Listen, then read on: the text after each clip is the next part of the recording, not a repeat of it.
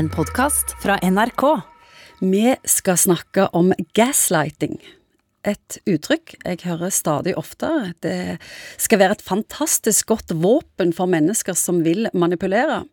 Våpenet er både subtilt og ekstremt effektfullt. Psykolog Egon Hagen, hva er gaslighting? Et godt ord på det, det er tåkelegging. Ideen er at det er noen med visse personlighetsforstørrelser som har en tendens til å ville undergrave den egen tro på deg sjøl.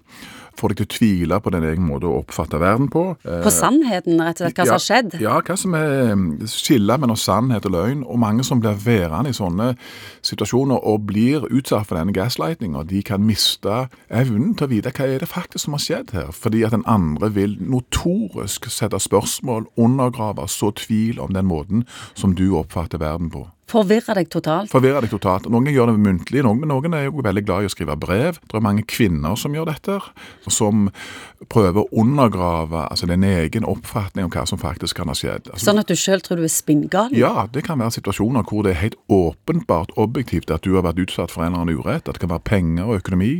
Og så vil du få en forklaring som er mer etter alt det jeg har gjort for deg, så liksom gjør du dette, og så reagerer du så sterkt. Hvordan kan dette skje i et kjæresteforhold, eller i foreldre-barn f.eks., eller politikere? Ja, du kan si at nå har vi jo egentlig hatt et ganske strålende eksempel i Statene, hvor det er en person der som notorisk ønsker å så tvil om helt grunnleggende ting. Sannheter. Sannheter. Altså, hva er rett, og hva er galt? og kaller sannheter fake news, og som kaller demokratiske prosesser for rigga og alt dette. Og som bare kjører ut med de mest outrerte forestillingene egentlig om uh, hva som er rett og hva som er galt. Eksempler på sånn gaslighting-kommentarer det kan f.eks. være at de sier at vi kommuniserer dårlig, meg og deg. Altså det, det, er jo en ganske uskyldige ting, ganske fin ting å si. Men det er ikke sikkert at det, det er det som er problemet. Problemet bare er at vedkommende ønsker å si at når du opplever en grov urett, eller jeg har gjort ting, så er det kommunikasjonsproblem gjensidig mellom meg meg og deg. Mm. Altså Den type sleipe forestillinger. Eller f.eks. si det at uh, du er en sånn person som aldri kan legge ting bak deg. Det er òg en måte å undergrave egentlig din egen subjektive opplevelse av at her har det skjedd noe helt, ja, helt Så kan de si til deg 'Å, skal du snakke om dette igjen?' Ja, skal, skal du snakke om dette? Og eller vedkommende kan si at OK, jeg kjørte, men det var ikke meg som gjorde det. Jeg var ikke helt meg sjøl, jeg måtte bare slippe ut et stim. Ja, hva er det for noe?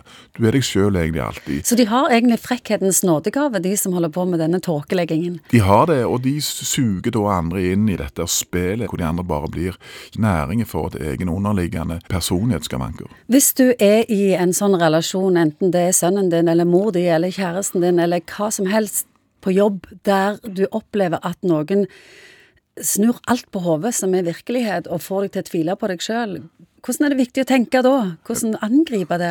Det enkle greiene er jo på en måte å prøve å komme seg vekk. Det er ikke alltid like lett. Enkleste måten egentlig å finne ut om du blir utsatt for dette, det er ett ord, og det er nei. Nei, jeg er ikke enig i det. Jeg er ikke enig i det. Det var ikke sånn det var. Nei. Fordi at Når du gjør det, så vil du signalisere til den andre at du lar deg ikke manipulere, du lar deg ikke bruke. Mest sannsynlig så vil da den andre på en måte enten velge deg vekk, eller idiotforklare deg, eller uh, snakke negativt om deg bak din rygg. Men det enkle prinsippet på å røyke ut den type personer som gjør dette, er ordet nei. Dette går jeg ikke med på, det er ikke riktig. Og Du må ta, tilbake igjen tro på at dine subjektive oppfatninger faktisk er valide og gyldige. Du har hørt en podkast fra NRK. Hør flere podkaster og din NRK-kanal i appen NRK Radio.